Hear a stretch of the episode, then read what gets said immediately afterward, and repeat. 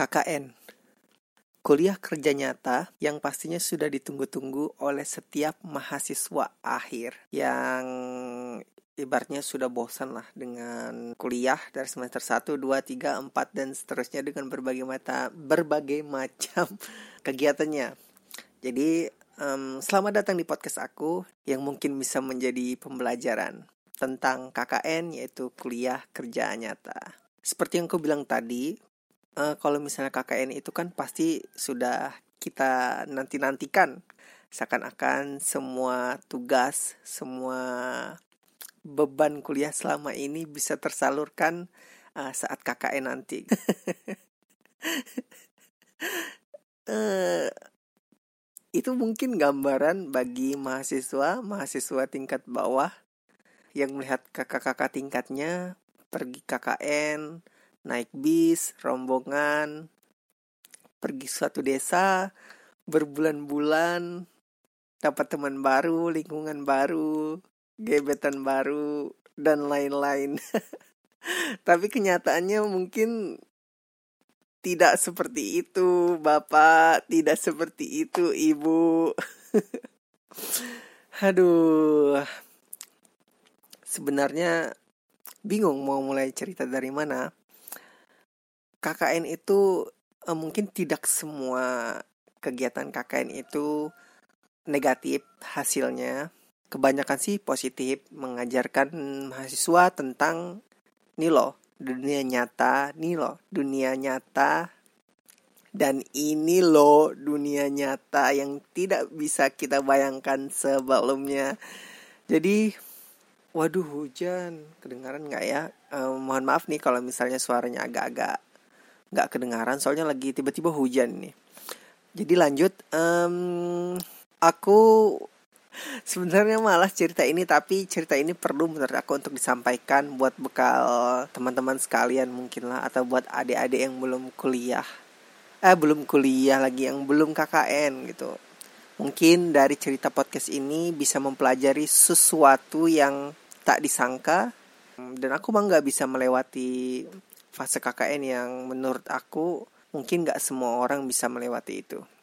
Jadi sebelum ke drama-dramanya kita mulai dulu dari sebuah cerita di awalnya. Kan kalau misalnya kita KKN itu kan sudah dibikin grup oleh masing-masing kampus yang kita miliki. Dibikinlah grup beberapa orang dari setiap fakultas berbeda, dari setiap jurusan berbeda, eh, dikumpulkanlah. Jadi eh, Waktu itu sudah ada pembagian kelompok dan sudah juga ditentukan desa mana yang bakalan uh, jadi tujuan kita untuk KKN nanti. Jadi otomatis waktu itu uh, aku ketemu dong orang-orang baru yang baru kenal gitu kan. Uh, kalau nggak salah tuh tiga cewek, dua cowok termasuk aku gitu. Satu dari tiga cewek itu dia termasuk orang yang punya kelebihan atau kaum difabel atau disabilitas gitu. Tapi itu nggak masalah gitu karena kebetulan juga dia ini memang satu jurusan sama aku. Hmm, dan aku kenal baik orang ini. Orang ini cukup bagus lah ibarnya um, apa ya? Pokoknya udah kenal lama dari semester 1 juga jadi uh, syukur gitu. Apa namanya? Dapat teman yang seperti itu meskipun dia difabel uh, jadi aku bisa bantu banyak gitu kan. Jadi dia nggak terlalu malu gitu karena ada ada teman yang dia kenal. Perempuan duanya lagi itu nggak kenal baru kenal waktu kumpul itu aja. Nggak kenal kenal banget gitu mungkin pernah lewat sekilas. Terus satu orang lagi ini cowok yang menurut aku bakalan jadi teman yang bagus sih gitu. Meskipun pada awalnya kita memang nggak kenal kita diam-diaman gitu kan karena ya memang baru kenal. Tapi pada akhirnya ceritanya luar biasa. Jadi setelah perkenalan proses perkenalan kami berlima ini um, terus kami rapat dan kita tahu bakalan ditempatkan di desa mana. Waktu itu ketika satu hari sebelum hari keberangkatan tiba-tiba ada semacam panggilan dari desa tempat tim ataupun kelompok aku KKN itu di mana uh, pihak desa memanggil salah satu perwakilannya untuk datang ke sana sebelum acara hari keberangkatan. Kan aneh ya aneh gimana gitu. Maksudnya ini pikirku nggak ada ada yang nggak beres ini sama de sama sama ini gitu kan. Untungnya um, aku itu dapat desa salah satu desa yang terdekat dari kampus gitu. Cuman berapa jam udah sampai jadi um, ya namanya kita itikat baik yang mungkin sekaligus juga survei lokasi gitu kan sebelum hari keberangkatan ya nggak jadi masalah kok pikir gitu. Jadi di grup WhatsApp kelompokku ini yang sudah dibuat sebelumnya pada ribut siapa sih perwakilannya yang mau ke sana? Apalagi kita kan uh, belum pada kenal gitu masing-masing belum pada kenal dan mau diapain gitu siapa? Ya udahlah karena dengan jiwa sok kesatrianya malah oke lah jadi aku menawarkan diri waktu itu biar aku yang mengunjungi desanya hitung-hitung biar tahu jalan gitu kan, biar tahu jalan, biar enak untuk hari keberangkatannya pun enggak ribet. Jadi waktu itu aku menyetujui untuk pergi ke desa tempat KKN sebagai perwakilan karena ada dari pihak desa yang ingin mengatakan sesuatu kepada kelompok kami saja gitu. Jadi di desa itu cuma lima orang, aku perwakilannya ya aku datang gitu. Jadi motoran lah dulu kan motoran sampai desanya gitu. Desanya kan nggak mungkin lah disebutkan gitu kan. Sampai di desanya ini udah, udah capek nih kan udah capek. Masih nih masih husnuzon lah terhadap desanya kan. Otomatis pertama yang aku datangi adalah kantor desanya. Karena ya di sana kan tujuan utama kita gitu kan. Pihak desa atau pejabat desa ini ingin ngomong apa sih gitu. Sampai di sana duduk basa-basi gitu kan uh, nanya-nanya uh, ke pejabat-pejabat yang ada di kantor kelurahan desa bapak-bapak dan ibu-ibu yang terhormat sekali gitu kan. Waktu itu aku cuman bilang kalau nggak salah uh, uh, setelah bertamu basa-basi gitu kan nanya bapak kepala desanya ada di mana dan sebagainya. Kebetulan bapak kepala desanya ini tidak ada di tempat dan lagi semacam dinas di kota jadi lama baru balik gitu. Ya masih tetap husnuzon gitu kan. Nah, terus beberapa lama kemudian datanglah satu ibu-ibu bukan ibu-ibu sih mbak-mbak atau kakak nggak tahu sudah punya suami atau bukan tiba-tiba duduk terus dia itu marah-marah sama aku. Marah-marahnya parah sih parah.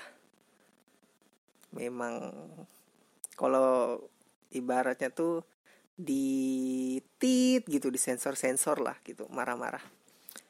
Uh, intinya dia itu marah tentang kedatangan kami KKN di desa mereka. Sedangkan besok itu hari sudah keberangkatan. Kebayangkan dan dosen-dosen ini nggak ada yang tahu waktu itu. Uh, terus pokoknya si ibu-ibu ini itu nyemprot nggak sopan sih. Asli asli nggak sopan. Uh, sekdesnya juga waktu itu nggak sopan dan sebagainya. Loh maksudnya apa gitu kan? Uh, kok marah-marah marah gini gitu? Jadi uh, aku coba melemah waktu itu aku coba tanya baik-baik. Aku bilang seperti ini bu saya ke sini itu kan ingin uh, mengklarifikasi atau pengen ya karena panggilan dari sini juga kan saya ke sini sekaligus saya survei lokasinya ada apa gitu kan. Uh, lebih enak kalau diomongkan baik-baik seperti itu kan. Enggak ibu itu sama belum lagi ibu-ibu yang lain tiba-tiba ikut nimbrung aku dikeroyok sama tiga orang ibu-ibu pejabat yang ada di kantor kelurahan desanya yang terhormat itu ngomongnya untuk aku nih mahasiswa dari luar daerah bukan asli daerah sini gitu kan. Kalau enggak udah emosi juga tapi masih kalem lah gitu. Ku tanggapi dengan baik-baik mereka marah-marah gitu marah-marah bla bla bla bla bla kenapa kalian tuh nggak bilang-bilang? Gitu ya kenapa kalian tuh nggak uh, apa namanya dan sebagainya? Apa tiba-tiba dadakan seperti ini. Kami mau menyiapkan apa? Kalian tuh mau apa? Dan sebagai pokoknya intinya mereka itu tidak siap dengan kedatangan kami.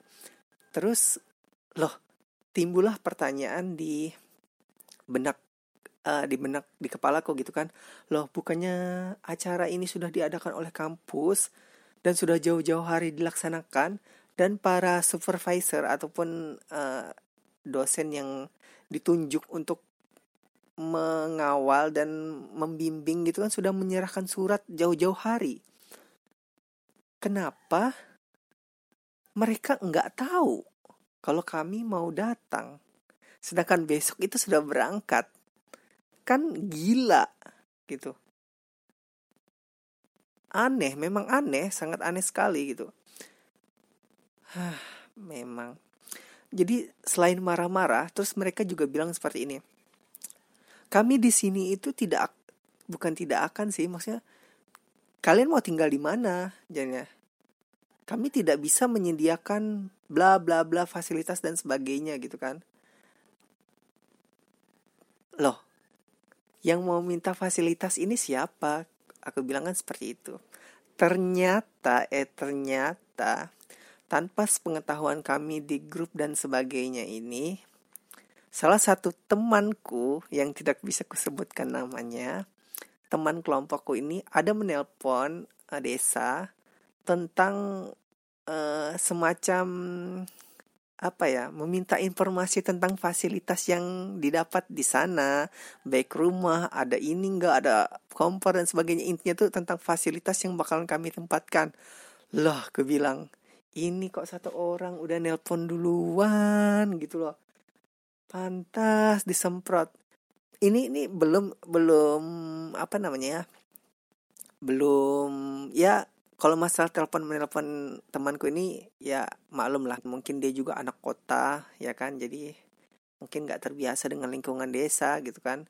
Jadi dia menanyakan fasilitas dan fasilitas yang ada di desa. Aja gile gue bilang.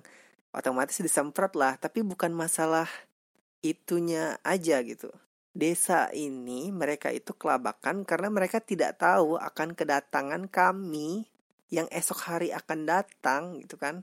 Dan pihak kampus tuh besok sudah berangkat ratusan orang. Dan kami cuma berlima di desa ini dan desa ini nggak tahu apa-apa kalau kami bakalan datang. Bayangkan. Dan kepala desanya tidak ada di sana dan kami cuman apa ya uh, bayangin aja tuh cuman ibu-ibu ibu-ibu nggak jelas yang ada di kantor kelurahan yang sangat terhormat menurutku dari kata-katanya yang begitu indah dan menyayat hati. Jadi ini sebelum hari keberangkatan loh besok. Terus mereka dengan mudahnya bilang kami tidak bisa menyediakan apa pun untuk kalian di sini. Kalian mau tinggal di mana? Dan sebagainya dan sebagainya seperti itu gitu.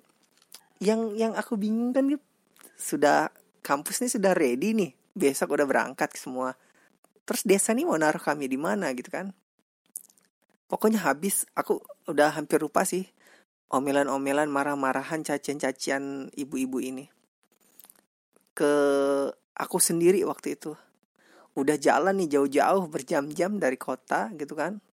Sampai di sana itikat baik datang malah kena semprot aduh astagfirullahaladzim memang Hah, ini sebelum hari KKN dimulai aja sudah dapat masalah kayak gini gitu. Hah.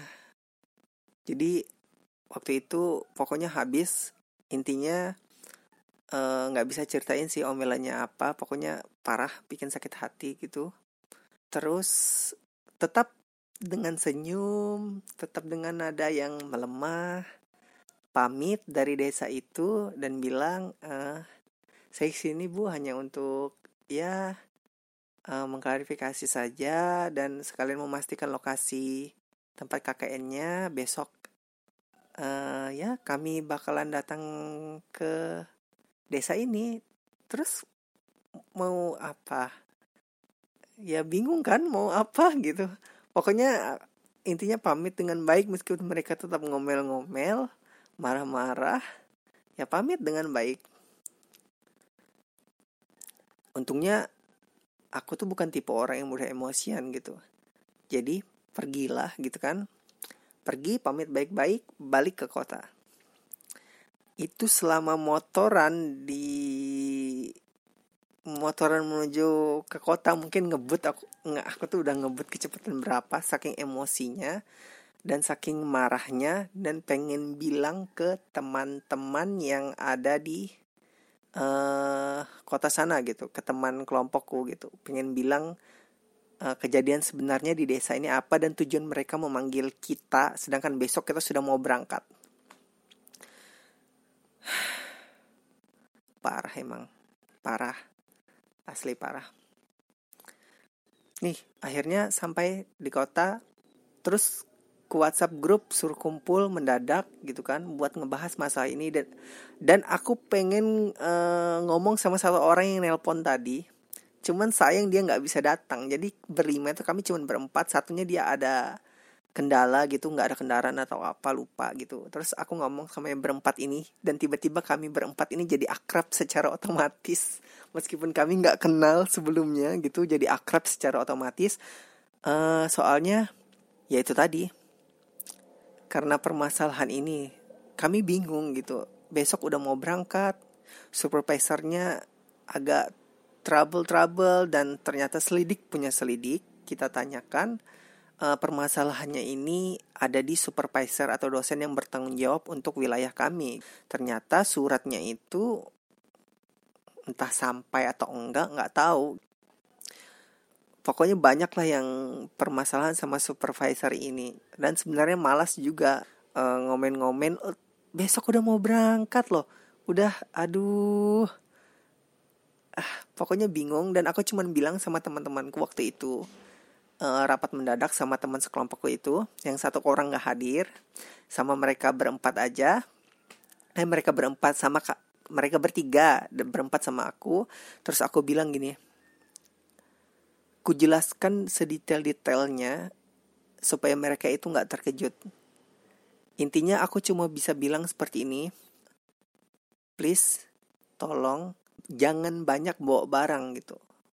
Bawa barang seperlunya aja. Nggak usah bawa alat-alat masak dan sebagai apa pun. Bawa aja pakaian seutuhnya aku bilang gitu kan. Supaya nanti di sana kita lebih enak. Ya sedih sih sebenarnya gitu sedih sangat sedih sih. Gitu mana yang satu orang nggak datang ini. Aduh padahal itu sih mau diubek-ubek gitu. Ngapain coba nelpon-nelpon orang sana bikin emosi? Ya itu nggak jadi masalah sih. Yang jelas respect orang desanya itu yang menurutku terlalu ekstrim sih respon mereka gitu. Kenapa aku menyuruh uh, untuk membawa pakaian sedikit dan bahan makanan seadanya saja. Karena aku berpikir bakalan ekstrim nih nantinya di sana dan sudah kebayang gitu. Dan aku sudah jelasin ke mereka dan mereka paham kondisinya kecuali satu orang ini.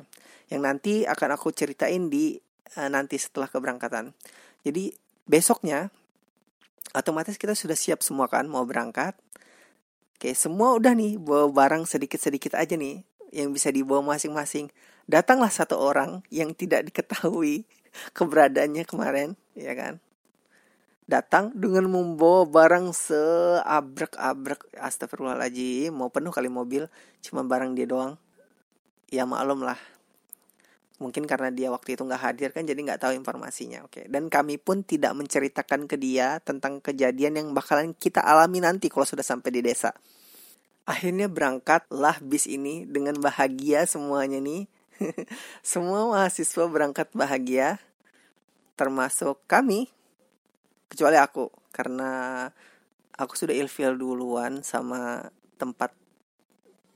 Sebenarnya tempatnya ini bagus, seandainya respon orang itu tidak seperti itu, aku nggak bakalan marah di awal gitu. Tapi karena cara mereka itu seperti itu yang susah sih kalau mau aku jelaskan nanti pokoknya parah lah. Nggak nggak ada itunya sih. Nggak ada tata keramanya kali ya. Itu kan. Mentang-mentang kita mahasiswa padahal mungkin aja tuanya sama. Intinya gini kalau dari segi umur kayaknya sama aja sih. Gitu. Cuman malah salah ngebahasnya gitu. Jadi pas waktu sudah nih mobil sudah berangkat kan tadi kan nah, mobil udah berangkat. Untung untung untung sekali desa yang tempat kelompok KKN ini itu cukup dekat wilayahnya itu. Nah salah satu desa terdekat dari dari kampus kami gitu. Cuman beberapa jam dan akhirnya sampai. Setelah sampai heran gitu kok kenapa sih supervisor kami ini nggak ngantar sampai ke kantor desanya? Aneh memang aneh. Ya udah kami diturunin aja di jalan terus bisnya itu pergi aja berangkat sama supervisornya ke lain ke tempat yang lain. Secara kan kalau dipikir secara logika gitu pasti supervisornya turun mengantarkan ke kantor desa dan juga e, ibarnya tuh serah terima mahasiswanya lah gitu ini nggak langsung pergi aja. Dan kami ditinggal di situ. Berlima dengan bawa barang dengan barang bawaan yang sedikit kecuali satu orang yang barang bawaannya itu banyak banget gitu. Satu bis kali dan uh, supervisor ini pergi begitu saja. Hmm, memang sungguh luar biasa supervisor ini. Dan dia malah pergi ke desa lain. Kan di situ aja sudah aneh. Kayak ada ada sesuatu gitu sama desa ini. Oke lah uh, kita masih tetap husnuzon sama desa ini. Kita bawa barang kita ke kantor kelurahan. And deng deng deng. Kita datang kita duduk. Uh, kalau yang berempat ini sudah aku jelasin kemarin tentang keadaannya seperti apa dan respon mereka seperti apa terhadap aku yang hanya seorang diri dan aku yang dikeroyok oleh beberapa orang dikeroyok secara omongan sih gitu. Yang menurutku itu sangat-sangat tidak sopan. Kecuali satu orang ini yang dia nggak tahu memang nggak kami kami memang nggak ngasih tahu. Ketika kita duduk aku masih diam dan aku masih marah uh, masih marah sama mereka ya jelas lah siapa sih yang mau diperlakukan seperti itu gitu. Nah, jadi salah satu juru bicaranya ini temanku yang lain yang cewek gitu kan. Yang aku pun nggak kenal kepribadian ini seperti apa karena kita baru bertemu juga kan. Nah, jadi ya oke lah dia yang ngomong dia ya ngomong lah sebagai juru bicara karena aku udah males gitu karena aku udah kemarin tuh udah kena sekarang males kalau kena lagi gitu. Jadi dia ngomong tentang uh, kami yang baru datang dan sebagainya bla bla bla bla bla bla. Dan akhirnya deng deng deng keluar lagi tuh rombongan ibu-ibu kemarin. Bilang kan bapak kepala desanya kan memang nggak ada di sini Oke, bapak kepala desanya nggak ada. Terus dari sinilah aku jadi tahu kepribadian temanku, salah satu temanku ini yang wanita. Dia itu tipe orang yang memiliki ambisius tinggi. Jadi kita baru datang perkenalan secara logika kita basa-basi lah dan aku jelaskan juga kan kemarin situasinya. Dia malah mempertanyakan hal yang sudah dipertanyakan kemarin. Dia mempertanyakan tempat menginap dan sebagainya dan sebagainya gitu kan. Kan aku sudah jelaskan bahwa kemarin kita itu nyata-nyata terang-terangan kita itu tidak diterima di desa ini. Dan dia tetap masih kokoh membahas itu dengan ibu-ibu yang ngotot itu dengan akhir yang dia terdiam. Jadi temanku ini terdiam saking dikeroyoknya oleh omongan itu kalian ini mau apa? dan sebagainya gitu. Pokoknya parah parah kami nggak bisa menyediakan apa-apa di sini dan sebagainya dan sebagainya gitu kan. Dengan perdebatan cukup panjang dan makin memanas nih temanku yang cewek ini uh, dia makin nadanya makin naik ibu-ibu itu juga makin naik gitu. Secara kami sudah ditinggal oleh bis. Gitu. Sebenarnya kami itu pengen lapor ke pihak kampus. Tapi gimana ya menjelaskannya? Ini kan baru dimulai. Takutnya itu pihak kampus itu tidak percaya dengan apa yang kami ceritakan. Karena kan ada supervisor gitu. Supervisor sudah menjelaskan semuanya gitu. Tapi kenyataannya tuh kayak gini. Jadi pikir kami uh, pikir aku gitu percuma sih ngejelasin ke kampus. Kampus juga nggak bakalan kepercaya kok. Paling mereka pikir seperti ini. Euforia anak kota masuk desa gitu kan paling nggak betah dan sebagainya. Padahal kenyataannya kami itu memang memang benar-benar nggak nggak diterima di desa itu gitu. Supervisornya nggak tahu tuh hilang ke mana. Dan kami ditinggal gitu aja tanpa dan akhirnya apa? Temanku itu terus berdebat dan akhirnya kalah dan diam. Akhirnya semuanya nunduk gitu kan. Ujung-ujungnya ya karena aku merasa kayak diinjak-injak harga dirinya gitu kan aku ngomong gitu. Aku ngomong sama ibu-ibu di sini uh, aku udah lupa sih ngomong persisnya seperti apa. Kalau nggak salah gini oke okay, kami uh, tidak akan merepotkan pihak ini. Kami cuman mau minta bantuan satu aja gitu sebelum kepala desanya datang gitu kan. Uh, apa ya kami minta bantuan gitu nyarikan kontrakan saja gitu. Untuk tempat tinggal kami. Jadi kebayang kami itu nyari kontrakan.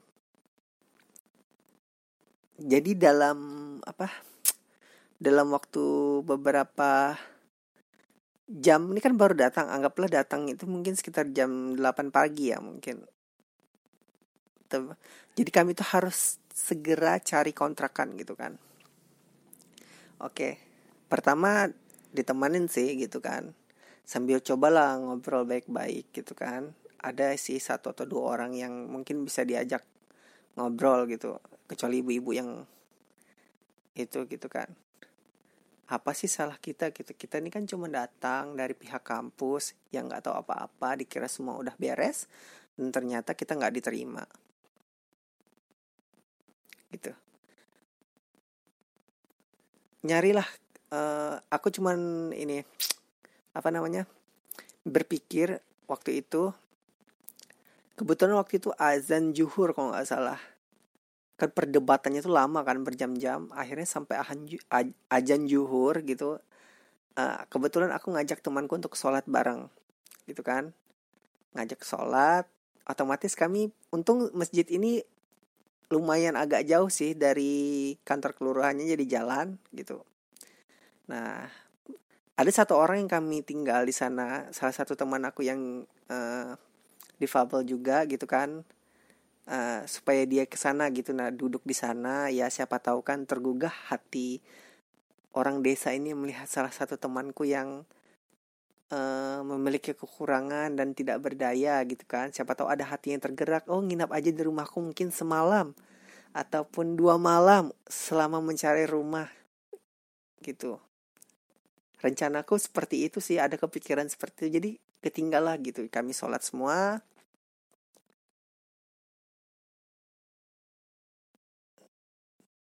Dan kami di situ berunding. Tapi nggak seberapa lama temanku yang difabel ini juga ikut berunding juga sih nggak seberapa lama. Maksudnya di ditinggal bentar tuh biar orang apa ya orang kelurahan ini biar tergerak hatinya. Tapi lama di situ dia akhirnya dia ikut kami sholat juga gitu setelah disolat di situ setelah semua pikiran jernih emosi semua kami berlima ini reda kami ngumpul dan kami berunding di masjid. Ngebayangkan gimana nasib kami. Itu supervisor udah pergi, pengen lapar kampus, malu lah. Baru nyampe ke udah nanti dibilang nggak percaya gitu. Nah takut euforia aja gitu euforia kaget desa padahal emang beneran kami itu nggak diterima. Jadi salah satu temanku itu ya sedih-sedih mau nangis gitulah karena ditolak kan. Terus mau apa kita di sini. Jadi di situ kami berunding dan secara mendadak ya aku memimpin lah gitu kan secara mendadak. Jadi aku bilang uh, kita fokus aja dulu buat cari rumah buat kita tinggal untuk malam ini aja gitu. Kebayangkan masa orang desanya nggak ada yang ngajakin tinggal di rumah? Kan ada banyak tuh satu orang satu untuk satu malam aja nggak ada yang mau. Bang keterlaluan sih. Sampai mau nangis deh temanku.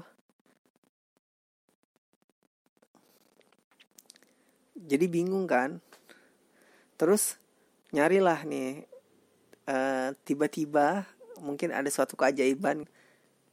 Karena nangis nangis hampir nangis nangis nggak jelas kita rapat ngumpul ada bapak-bapak gitu. Ada bapak-bapak bapak-bapak baik ngedengar masalah kami gitu.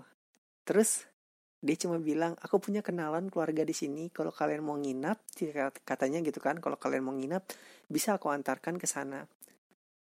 Ya Allah kebilang masih ada orang baik nggak kenal sama lima orang mahasiswa yang nggak tahu nginap di mana. Uh, terus dia nawarin ke tempat keluarganya. Di situ kami bersyukur. Akhirnya diputuskanlah uh, aku sama temanku ini uh, apa namanya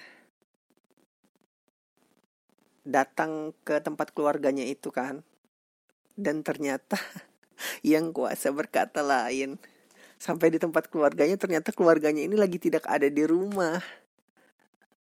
Entah lagi ke mana. Jadi bapak itu hanya sekedar bisa membantu mendatangkan ke tempat keluarganya tapi keluarganya malah nggak ada. Dan akhirnya bapaknya itu pergi dan bapaknya itu cuma bilang nanti bilang aja dari aku gitu. Kenalan ini ini ini. Dan pokoknya kami tuh sibuk nyari oke kami keep kan nama bapak ini gitu kan. Tapi kan belum tentu juga keluarga ini datang dalam satu hari ini.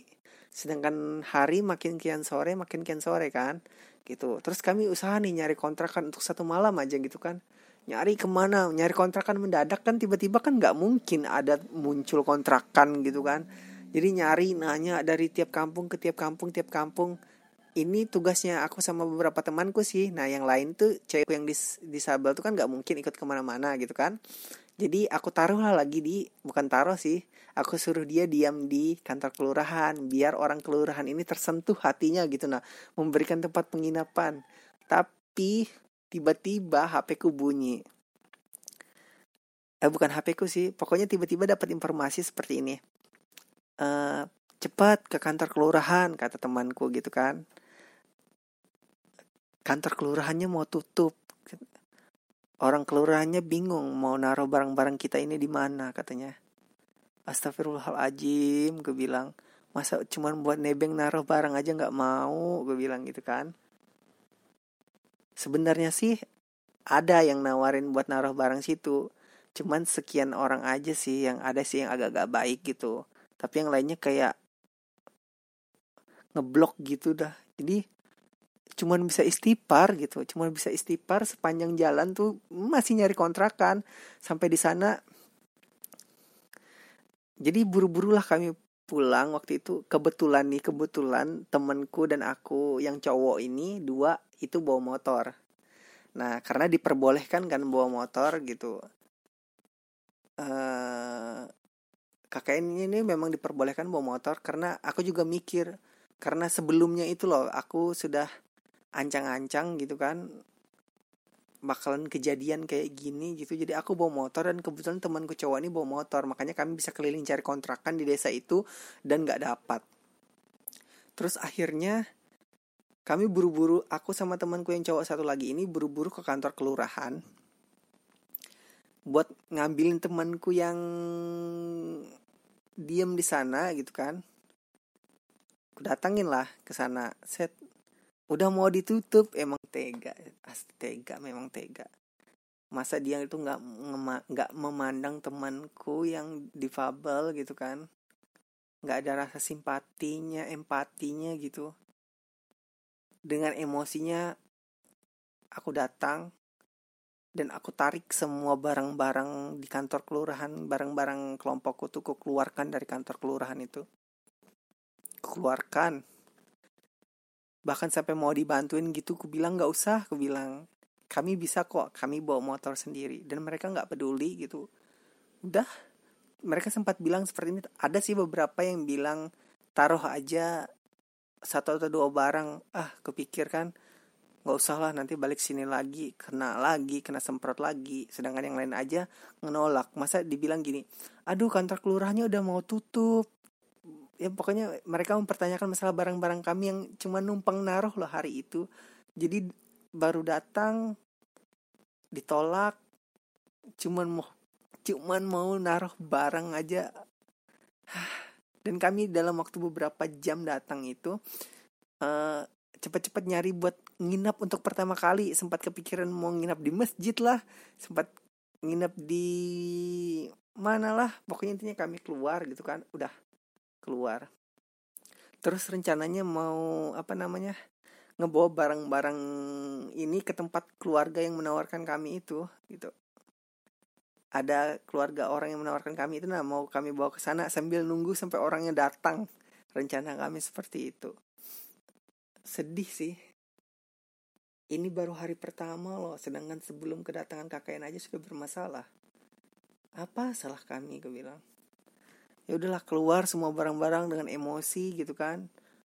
Barang bayangin barang lima orang pasti banyak kan?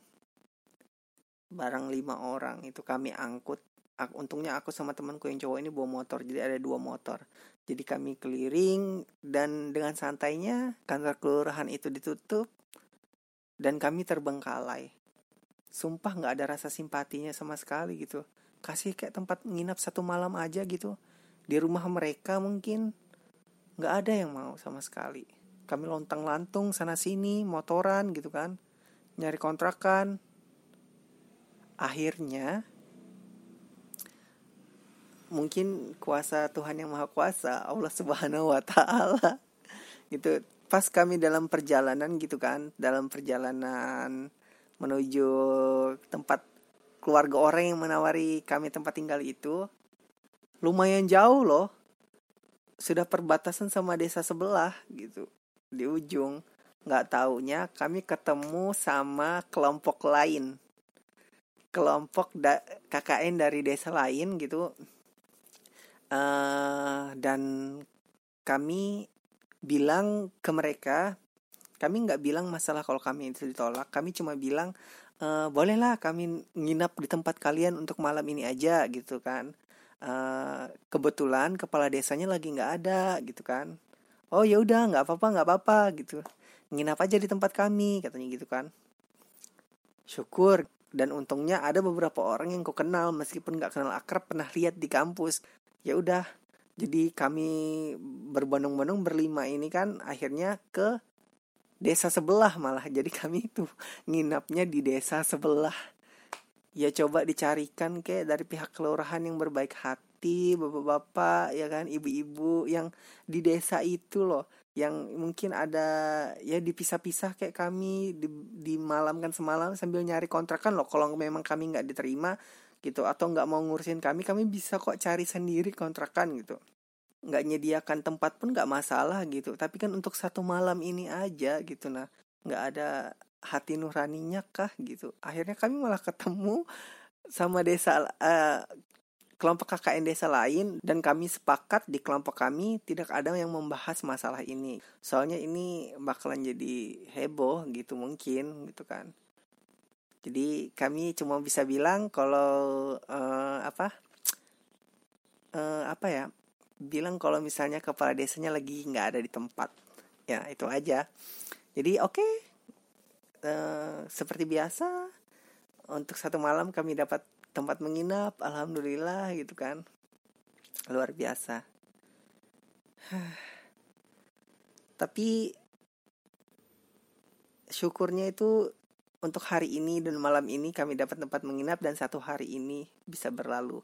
Masih ada berbulan-bulan lagi kehidupan di desa tempat kami ini yang bakalan kupikir pasti bakal lebih ekstrim dan ternyata memang makin ekstrim untuk ke depannya.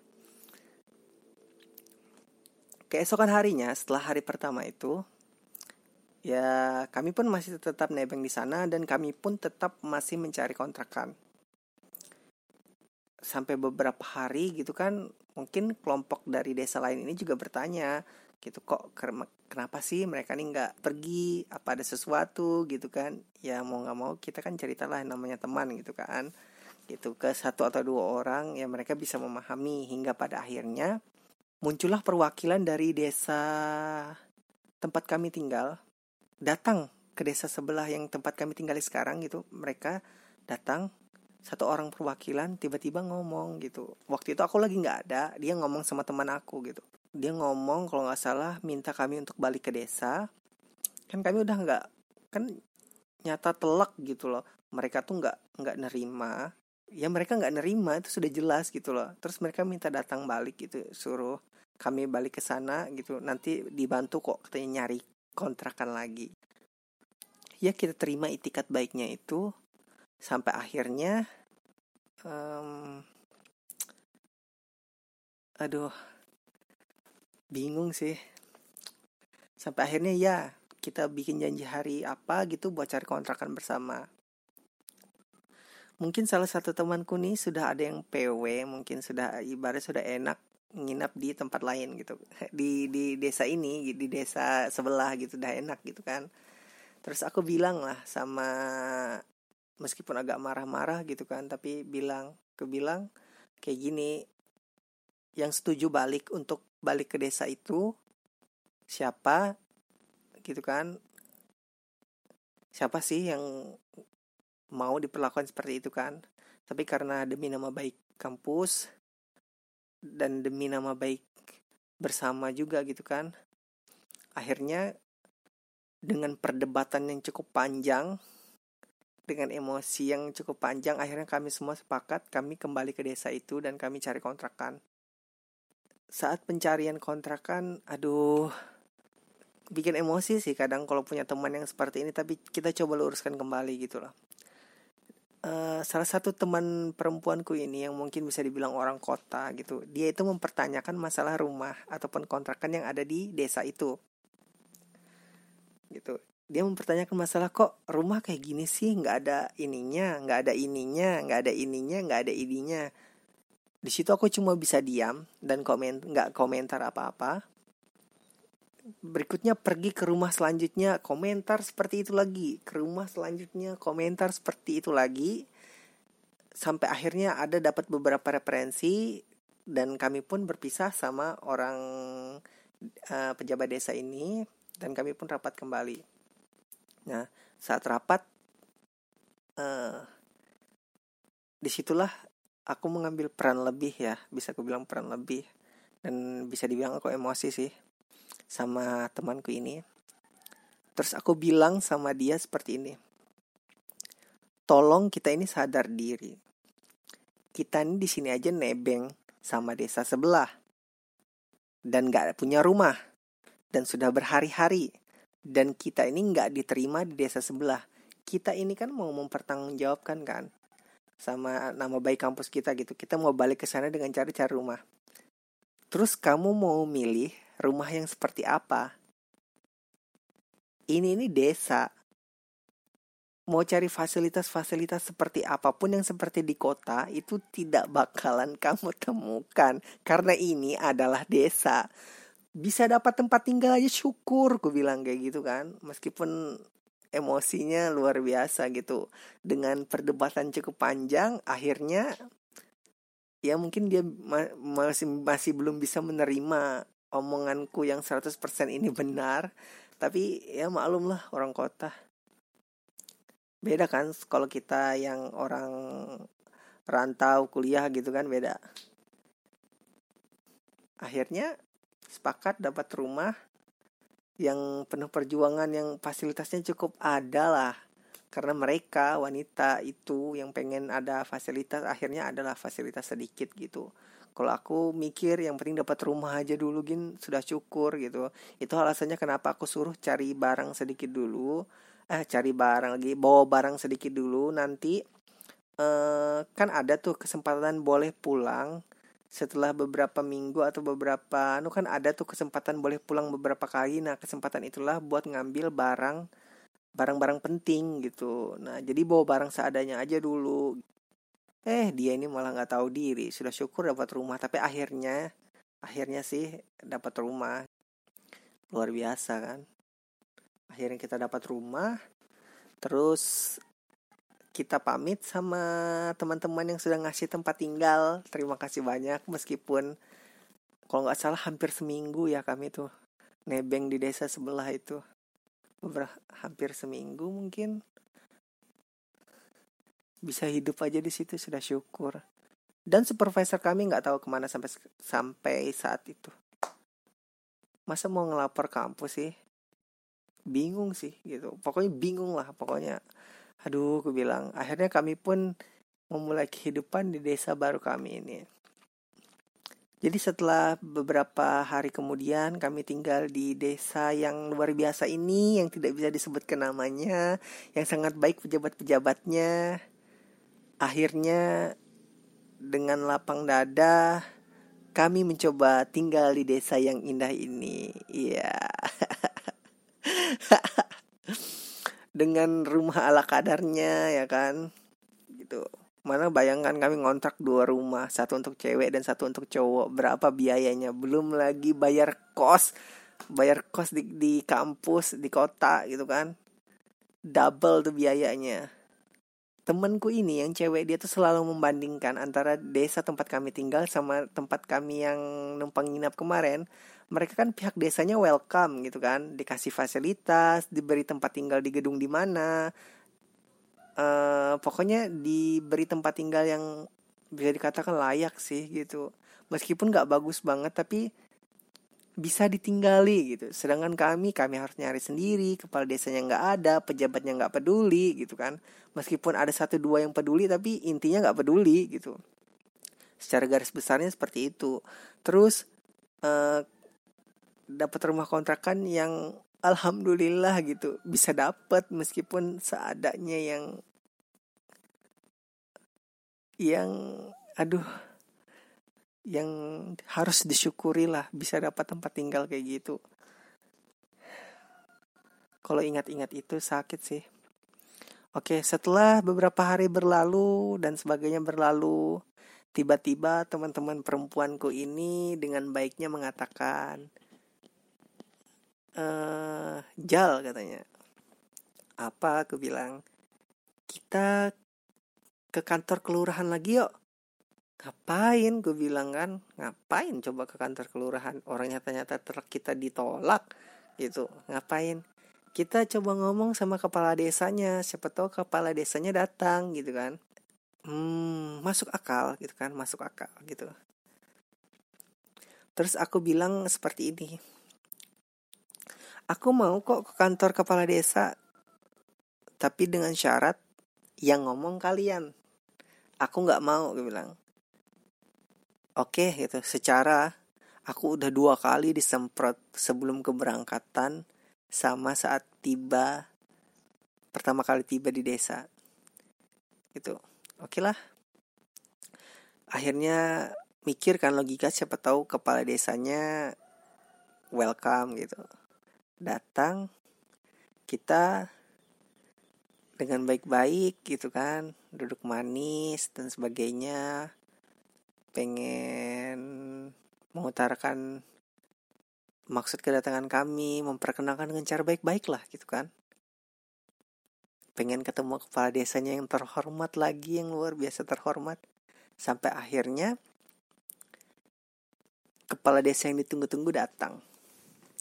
Tiba keluar dari ruangannya yang indah duduk. Terus temanku yang perempuan ini berbicara tentang maksud dia ke sini melancarkan program dan sebagainya dan sebagainya. Di situ kepalaku pusing minta ampun kalau ngeliat temanku yang satu ini yang ambisiusnya luar biasa. Yang anak kota itu. Yang pilih-pilih rumah itu. Baru aja datang, kenal aja enggak, basa-basi kayak dulu. Sudah mm, mengacaukan mood orang lain. Dia langsung bilang seperti ini, minta tolong antarkan ke sini. Kan sudah jelas kalau kita itu ditolak. Jadi dia kayak langsung mengutarakan maksudnya itu ke ke kepala desanya langsung. Gitu. Um, nanti desa seperti ini ada nggak? Ada yang gini nggak? Bisa antarkan nggak? Gini-gini nggak? Gitu ya marah lah kepala desanya kan. Logikanya kan seperti itu. Tapi ternyata kepala desanya emang benar-benar marah. Kayaknya bukan masalah konteks kaminya. Kayaknya ini ada hubungannya deh sama supervisornya, tapi nggak tahu sih seluk beluknya itu gimana. Terus tiba-tiba bapak itu dengan suara beratnya gitu kan, kayak salah satu seorang yang cukup dipandang gitu. Terus dia bilang seperti ini, kalian di sini tuh mau apa sih katanya di situ langsung tersentak semuanya dan diam kalian di sini tuh nggak ada gunanya buat desa kami. Langsung terang-terangan loh dia bilang seperti itu ke kami berlima. Dan kami cuman bisa diam gitu. Yang lain nunduk yang tadi temanku itu menggebu-gebu gitu kan ngomong aku udah emosi nih udah diam aja. Kalian itu kata kepala desanya gitu kan tanpa kalian di sini, desa saya baik-baik saja aja Maju-maju saja. Apa gunanya kalian itu? katanya. Langsung kami itu diskak oleh kepala desanya ngomong seperti itu. Kalau kalian urusan kalian ya urusan kalian. Masalah tempat kalian itu urusan kampus kalian katanya semuanya di diserahkan ke kampus dan sebagainya seperti itu. Pokoknya kami itu intinya ditelantarkan lah di situ omongnya cukup panas cukup lama yang nggak bisa dijabarkan semua kata-kata indahnya itu luar biasa. Siapa pun pasti bakalan tersinggung dan siapa pun pasti bakalan emosi gitu. Ini kepala desa yang nggak tahu apa-apa tiba-tiba datang dan emosi jiwa gitu kan. Habis datang dari dinasnya di kota entah berapa lama yang kami pun nggak dapat tempat tinggal selama berhari-hari itu mencoba datang iktikat baik dan kami malah dikata-katain kasar seperti itu. Siapa yang gak emosi? Semua diam kecuali aku, gitu kan? Langsung karena emosi-emosinya langsung ku tatap itu mata kepala desanya. Jangan pikir dia apa namanya dia aja yang berani gitu masalahnya harga diri bung gitu udah tiga kali nih ketiga kalinya harga diriku dijatuhkan gitu. Padahal itikat kami baik dan mencoba kembali, mencoba kembali, tapi ternyata respon mereka yang seperti ini. Yang paling menyakitkan itu ketika dia bilang, "Untuk apa sih kalian seperti eh, di sini? gitu? Tanpa kalian desaku pun nggak apa-apa gitu, baik-baik aja gitu." Ini dengan nada yang huh, gitu. Ini kalau diceritain kan nadanya sudah dilembut-lembutkan gitu. Emosi-emosi lah gitu. Yang lain cuma bisa diam gitu. Nggak bisa ngomong apa-apa. Akhirnya dengan inisiatif aku beranikan diri untuk ngobrol ke bilang oke okay, pak gitu. Eh, nggak uh, usah lah bapak repot-repot gitu kan masalah kami di sini dan sebagainya. Kami mau minta antarkan ke sekolah pun. Nggak perlu bapak repot-repot ku bilang gitu kan. Nggak usah lah gitu. Tapi pikirlah secara logika gitu kan. Kami ini baru datang ke desa yang tidak kami kenal. Yang kami mau ke mana, pasti pertama-tamanya kami pasti ke kantor kelurahan lah. Untuk mendapatkan informasi. Kalau memang Bapak tidak menerima kami Bapak gitu kan. Ya setidaknya arahkan kami ke satu tempat terus bapak lepas tangan pun nggak jadi masalah terus kami ini lontang lantung di desa ini nih nggak jelas gitu langsung kuskak aja itu kepala desanya aku bilang gitu e, waktu itu kami kan minta tolong antarkan ke SD e, eh, adakah sekolah dasar di sini? Bisakah ditunjukkan di mana SD-nya gitu kan. Kan kami nggak tahu jalan nggak tahu apa gitu kan. Dia marah-marah. Emosi juga emosi juga eh. Akhirnya uh, aku lawan balik gitu dengan kata-kata yang masuk akal dan logis gitu. Akhirnya kepala desa ini uh, agak meredam emosinya agak pelan-pelan dan akhirnya mungkin pikiran dia masuk ak mungkin apa yang ku sampaikan itu bisa dicerna bapak yang hebat ini dengan baik gitu akhirnya dia menunjuk salah satu uh, salah satu uh, salah satu anu uh, salah satu anggotanya gitu kan untuk mengantarkan kami ke salah satu sekolah yang ada di desa itu. Seperti itu biar kami bisa merencanakan untuk planning kami selanjutnya gitu kan. Oke. Nah, sebelum dia berubah pikiran saat itu juga aku langsung bilang sama kepala desanya aku bilang, e, "Siapa, Pak?" gitu kan. Yang Bapak apa tunjuk gitu langsung aja sekarang biar nggak repot-repot lagi gue bilang gitu kan akhirnya dengan terpaksa salah satu ibu-ibu yang ada di sana yang ya mungkin yang masih berbesar hati akhirnya mengantar kami ke sekolah yang ada di desa itu. Ya sebagai pendatang gitu kan kita nggak mungkin kan buat macam-macam. Ya kita pasti tetap respon baik lah gitu. Karena kami ini kan pendatang gitu. Mau diinjek-injek seperti apa pun kami ini pendatang gitu. Ya kita nggak bisa berbuat apa-apa. Terima aja perlakuan yang menurutku cukup tidak manusiawi gitu. Apalagi ada teman kami yang uh, disabilitas gitu. Masa hatinya tuh nggak tersentuh sih? Memang luar biasa desa ini gue bilang. Kepala desanya aja kayak gini gue bilang. Parah. Akhirnya kami diantarlah ke SD itu oleh salah satu pejabat di kelurahan itu. Terus kami ditinggal.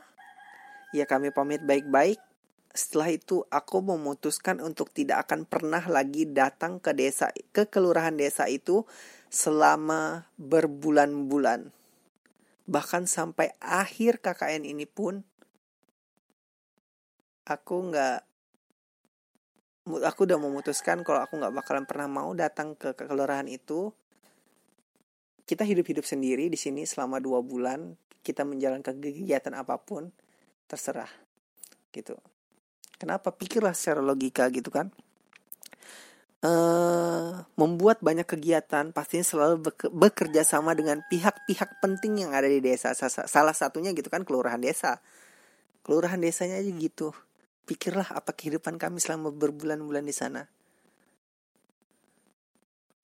Kebayangkan selama berapa bulan?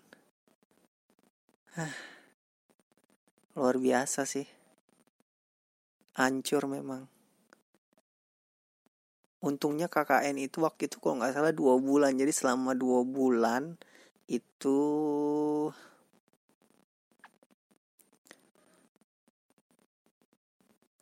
perjuangan yang luar biasa sih. Dua bulan yang luar biasa.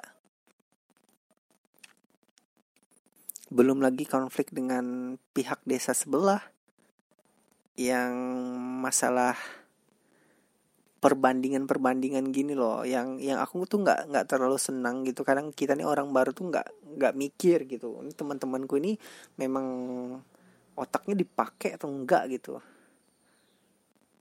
Mereka tuh membanding-bandingkan sama desa sebelah. Uh desa sebelah tuh gini. Uh desa sebelah tuh gini. Dikasih ini didukung ini. Kepala desanya tuh ini ngasih makan dan sebagainya dan sebagainya dan sebagainya. Semua dibanding-bandingkan Aduh, aku bilang janganlah. Kalau membandingkan boleh lah, tapi jangan jadi omongan gitu. Nanti kita yang di desa ini malah kena lagi, gue bilang. Akhirnya jadi bahan perbincangan publik gitu. Meskipun jadi bahan perbincangan publik kan setidaknya misalnya kan uh, kelurahannya nih dengar gitu kan. Bisa membandingkan lah dari desa yang di sebelah sana gitu kan. Ada mahasiswa kelompok KKN gitu kan yang datang diperlakukan mereka bikin program dan sebagainya. Toh ya diayomi gitu kak kami gitu. Tapi kenyataannya masa bodoh nggak ada yang peduli makin kita omongin ya memang orang-orang ini juga nggak peduli. Jadi aku bilang lah sama temanku ini stop lah banding bandingkan nanti jadi apa ya jadi bahan gunjingan warga desa sebelah.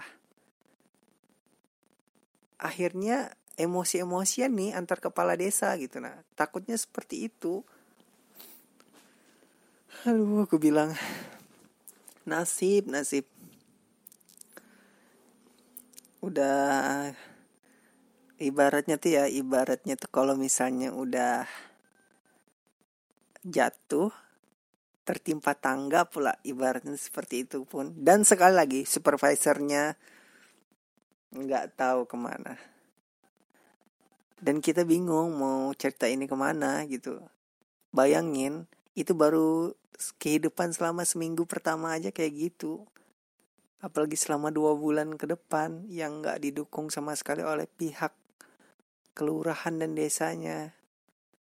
Ya untungnya kami waktu itu berinisiatif lah ya namanya kita mahasiswa kan. Kami sudah memutuskan kalau kami bakalan menjalani kehidupan dua bulan di sini demi nama baik kampus kami yang kami perjuangkan biar nggak malu gitu loh masalah hal-hal kayak gini. Tuh supervisor tuh emang terlaluan tuh jadi kami itu memutuskan untuk uh, ke salah satu sekolah dasar gitu kan. Kita coba hubungi Pak RT dan sebagainya yang alhamdulillah welcome sih sama kita. Tapi kita nggak bisa berbuat banyak gitu. Pihak tertinggi dari desa ini kan ya kelurahannya ini kepala desanya ini gitu kan. Ya kita nggak bisa apa-apa. Jadi kami cuma bisa mencari perlindungan lah alternatif lain gitu kan ke orang-orang yang mungkin punya nama juga di desa itu yang bisa kami dekati kami ya kami juga butuh perlindungan gitu kan secara uh, berbulan-bulan di desa yang kami tidak ketahui.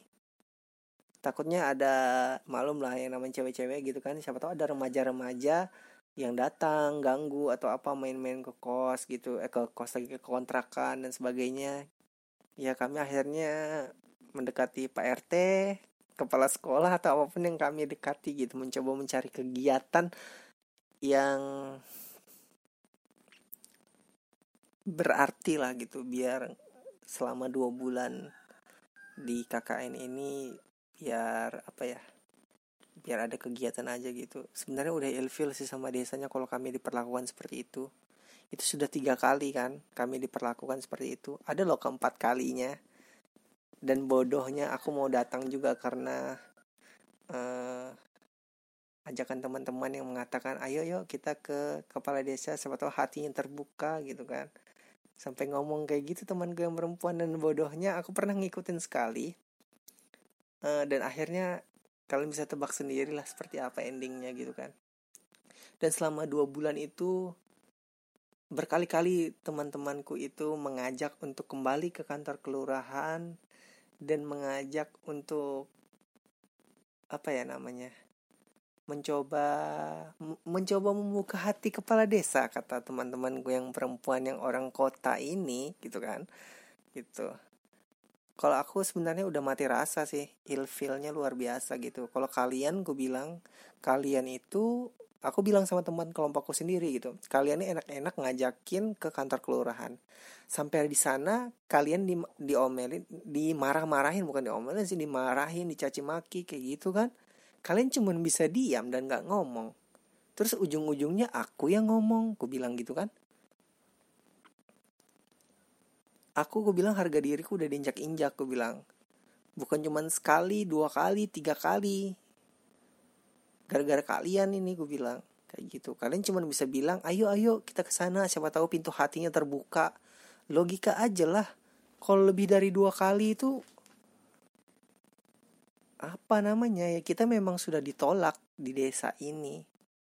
Gitu. Kalau mau marah marah dah. Mau nangis nangis dah aku bilang. Secara pikiran dan logika aku nggak bisa kayak gini gue bilang kalian tuh bocah gue bilang. Orang kota. Ya emosi sih dengan teman sendiri gitu. Ya kalian bisa bayangin aja lah kegiatan kami selama dua bulan tanpa support itu seperti apa. Dan kalian bisa juga bayangin perbandingannya dengan desa sebelah yang selalu dibanding-bandingkan yang selalu disupport oleh kepala desanya yang selalu mengadakan berbagai macam kegiatan dan event yang membuat teman satu kelompokku iri dan ingin juga seperti itu. Ini sudah konflik sama supervisornya, konflik sama desanya, konflik sama desanya lagi, konflik sama pejabat desa, ya kan? Terus konflik sama teman sekelompok sendiri juga yang suka iri. Sama kelompok lain yang ada di desa sebelah yang otaknya itu nggak jalan kalau dia pikir gitu kan? Mau ngikut seperti mereka ya nggak bisa lah bu. Logika lah sendiri. Ketemu kepala desa aja di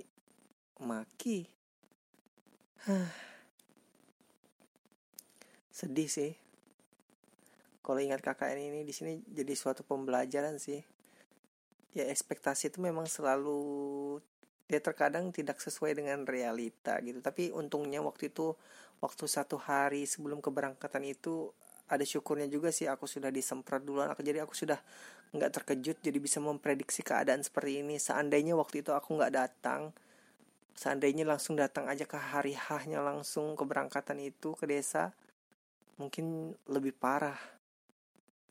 Makanya untung aku bawa motor waktu itu. Jadi bisa lah mencari alternatif gitu. Seandainya nggak bawa motor waktu itu gimana? Terlantar lah kita.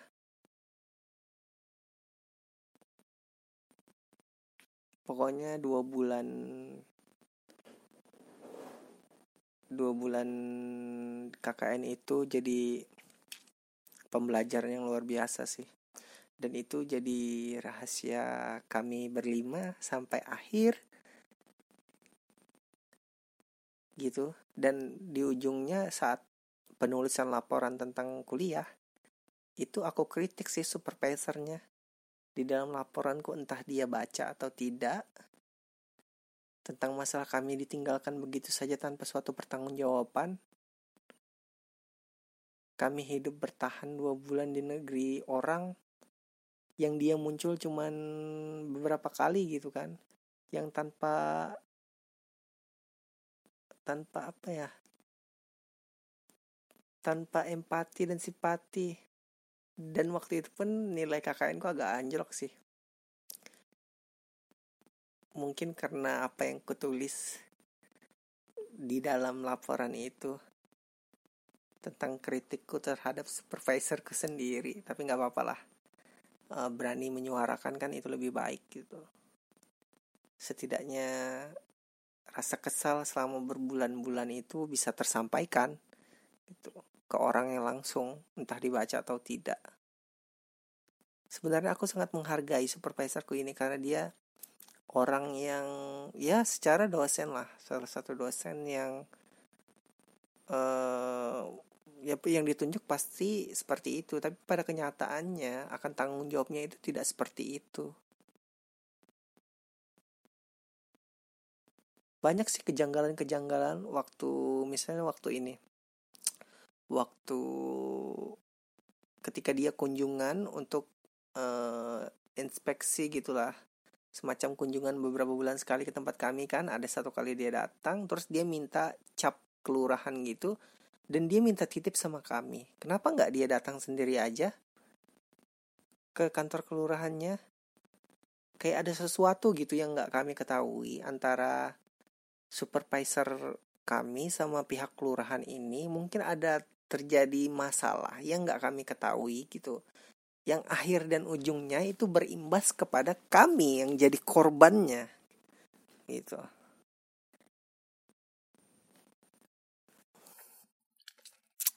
Luar biasa sih. Dua bulan yang luar biasa. Oh ya tapi sebenarnya uh, selama dua bulan ini gitu kan Eh, nggak uh, semuanya sedih-sedih banget sih nggak juga gitu ya namanya kita mahasiswa kan ya harus kreatif lah dalam menghadapi cobaan. Jadi lupakan tentang kesedihan ini. Jadi ini sebagai pembelajaran aja ya uh, buat kita semua bahwa jangan sampailah ada kejadian seperti ini. Itu dari pihak-pihak penyelenggara suatu apa ya suatu kegiatan gitu. Perlunya ada konfirmasi verifikasi dan sebagainya. Seperti itulah itu perlu penting banget gitu. Banyak sih cerita-cerita sedihnya tuh yang nggak nggak bisa dijelaskan gitu. Yang sangat-sangat menyakitkan. Tapi kita bisa mengingatnya kembali gitu dengan uh, lupakan cerita sedihnya. Kita ingat cerita-cerita indahnya aja gitu ada kok cerita-cerita indahnya meskipun gak banyak gitu tentang pertemanan dan juga ada fase di mana kita memang kabur-kaburan naik motor lari ke desa sebelah buat menemui teman untuk menghilangkan rasa stres yang tidak bisa diceritakan demi menjaga nama baik kampus. mungkin terima kasih lah buat teman-teman aku yang pernah satu kelompok sama aku meskipun kita sering berselisih paham dan kita berakhir dengan perpisahan KKN yang tidak baik gitu kan. Ya mungkin di sini aku juga minta maaf mungkin aku agak keras dengan kalian tapi ya ini semua demi kita gitu. Demi bertahan hidup selama dua bulan yang nggak bisa aku ceritakan poolnya jadi aku cuman menceritakan inti dari awal dari permasalahan kami di desa ini yang akhirnya merembet hingga berbulan-bulan yang cuma bisa diceritakan di awalnya saja yang berakhir dengan kepergian tanpa berpamitan dengan desa ini pun menurutku itu fair kok menurutku. Adil kok. Langsung pergi aja gitu. Toh percuma kan kita mau datang ke desa itu untuk berpamitan sedangkan kedatangan kita aja tidak diterima. Jadi pengalaman KKN ini luar biasa sih kalau mengingat yang lain itu lebih parah anjir. Tit sensor gitu kan. Parah banget. Cuman ingat kenangan-kenangan indahnya aja lah ketemu teman baru uh, ke desa-desa sebelah. Ada teman-teman baru, kadang meskipun ada sih yang curhat-curhat gitu kan. Uh, menceritakan keluh kesah, tapi nggak bisa diceritakan semua juga, hanya sebagian. Terus nggak bisa cerita ke sembarang orang juga gitu kan. Takutnya Eh, kedengaran oleh desa tempat kami tinggal malah jadi berabe lagi gitu. Ya pahit manisnya pasti dirasakan. Meskipun banyak pahitnya sih daripada manisnya. Jadi pembelajaran sih. Kalau misalnya ada teman-teman satu kelompok KKN ku yang mendengarkan ini uh, minta maaf ya aku minta maaf gitu kalau misalnya aku keras waktu KKN gitu kan. Karena ya kalian tahu sendiri gitu permasalahan kita seperti itu dan aku harap kalian memaafkan gitu. Dan itu pun demi kebaikan kita juga gitu. Dan akhirnya kita bisa melihat dan akhirnya gitu kan kita bisa melewati dua bulan itu dengan rasa bangga dengan sebuah laporan yang penuh kritik yang entah dibaca atau tidak oleh supervisor kita dan rahasia dan ini menjadi rahasia kita gitu. Nggak kita ceritakan ke mana-mana dan sebagainya. Dan akhirnya aku bikin podcast ini biar orang-orang pada tahu gitu. Biar orang-orang pada tahu gitu. Ternyata di dalam suatu sistem yang sudah terorganisir tuh ada loh celah yang seperti itu yang bisa jebol dan akhirnya menyusahkan orang lain jadi di situ sih pembelajarannya gitu kan. Uh, mungkin ini yang disebut dengan real KKN gitu menghadapi suatu keadaan kenyataan yang memang benar-benar di masyarakat dan bagaimana kita uh, menghadapinya dengan solusi entah itu dengan kepala dingin entah itu dengan solusi solusi-solusi yang lain gitu. Jadi selama dua bulan itu pengalaman yang luar biasa yang tidak akan pernah aku lupakan dan terima kasih buat teman sekelompokku yang bekerja sama dengan baik meskipun terkadang tidak baik gitu kan. Dan terima kasih juga buat temanku yang laki-laki itu yang satu-satunya laki-laki juga kan sama kayak aku tiga cewek dua cowok. Jadi satu-satunya teman laki-lakiku gitu kan. Yang apa ya yang orangnya tuh sabar. Meskipun aku sudah meledak-ledak gitu kan. Dia cuma bisa nenangin sabar gitu kan.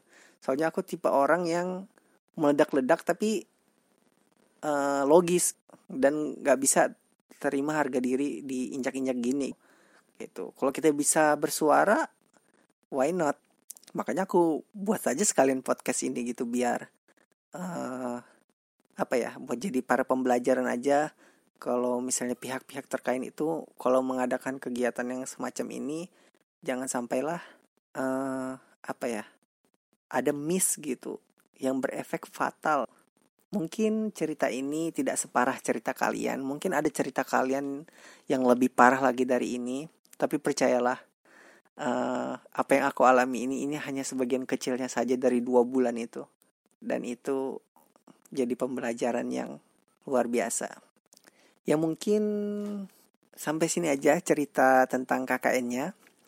Kalau misalnya ada teman-teman yang pengen KKN selalulah berpikir positif ya kan nggak mesti juga gitu apa yang aku alami bakalan kalian alami. Mungkin kalian akan mendapatkan cerita yang lebih indah seperti teman kelompok yang dari desa sebelah kami itu yang indah-indah aja kegiatannya meskipun uh, kita nggak tahu apa permasalahan mereka. Tapi kalau dilihat secara sekilas uh, adem ayem gitu, indah banget kehidupan KKN mereka ya. Selama dua bulan luar biasa sekali, sangat didukung.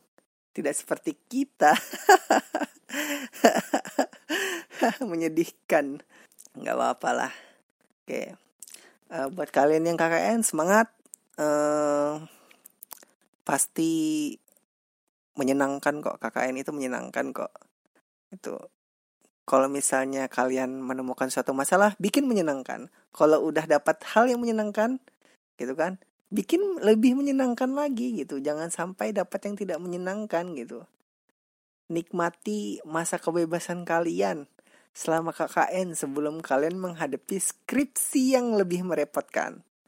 Sekian podcast kali ini, uh, mudah-mudahan bermanfaat dan bisa memberikan inspirasi buat teman-teman sekalian supaya bisa menjadi pembelajaran kita bersama. Mungkin ada beberapa kalimat contoh percakapan dalam podcast kali ini yang tidak sesuai dengan kenyataan aslinya, uh, karena kejadian ini sudah terjadi uh, cukup lama dan aku sudah uh, lupa detailnya seperti apa tapi kurang lebih ceritanya itu ya seperti itu gitu.